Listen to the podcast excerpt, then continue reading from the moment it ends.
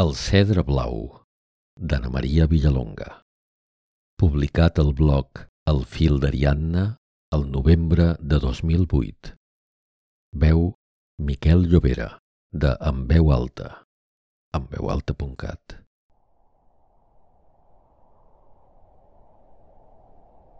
El cel de la tardor és net i clar després de la pluja. L'aroma de l'herba humida emergeix de la terra amb intensos afluvis que sorprenen l'olfacte. La gespa té un verd rabiós de ciència-ficció. Algunes fulles de l'eure graviten l'atmosfera amb vol d'astronauta.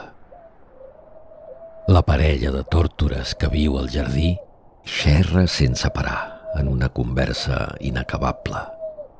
Fa temps que estan juntes, però tenen moltes coses a dir-se. Un ocell diminut i agosarat ha descobert la caseta de fusta que penja de l'arbre i s'ha decidit a construir-hi el niu. Fa viatges incansable, el bec amb petits bastonets i agulles de pi. La caseta protegirà les cries quan arribi l'hivern, quan bufi la tramuntana amb sa prepotència de reina. El crit metàl·lic de les gavines s'acosta amb el vent de llevant i trenca el silenci. Tot l'aire tremola de vida.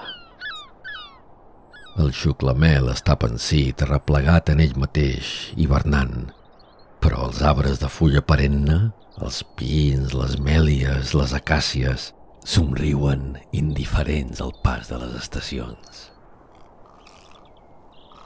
Alguna garça valenta s'aventura a prop meu. Fa saltirons acostant-se, però acaba aixecant el vol amb un batre d'ales sorollós i ferm. Un gat blanc de cua llarga transita entre els xiprers.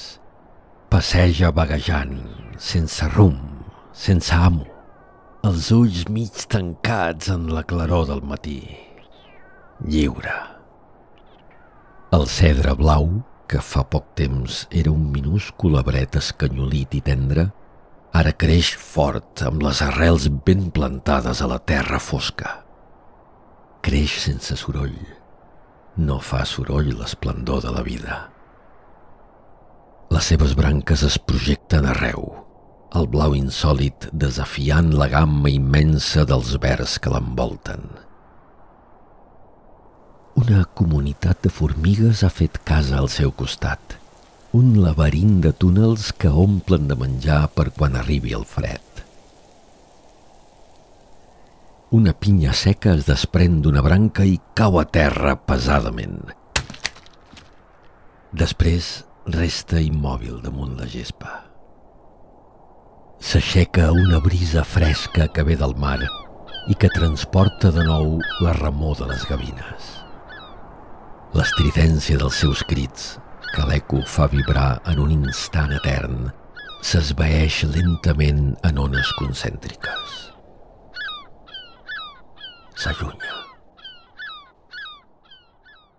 Ha tornat el silenci.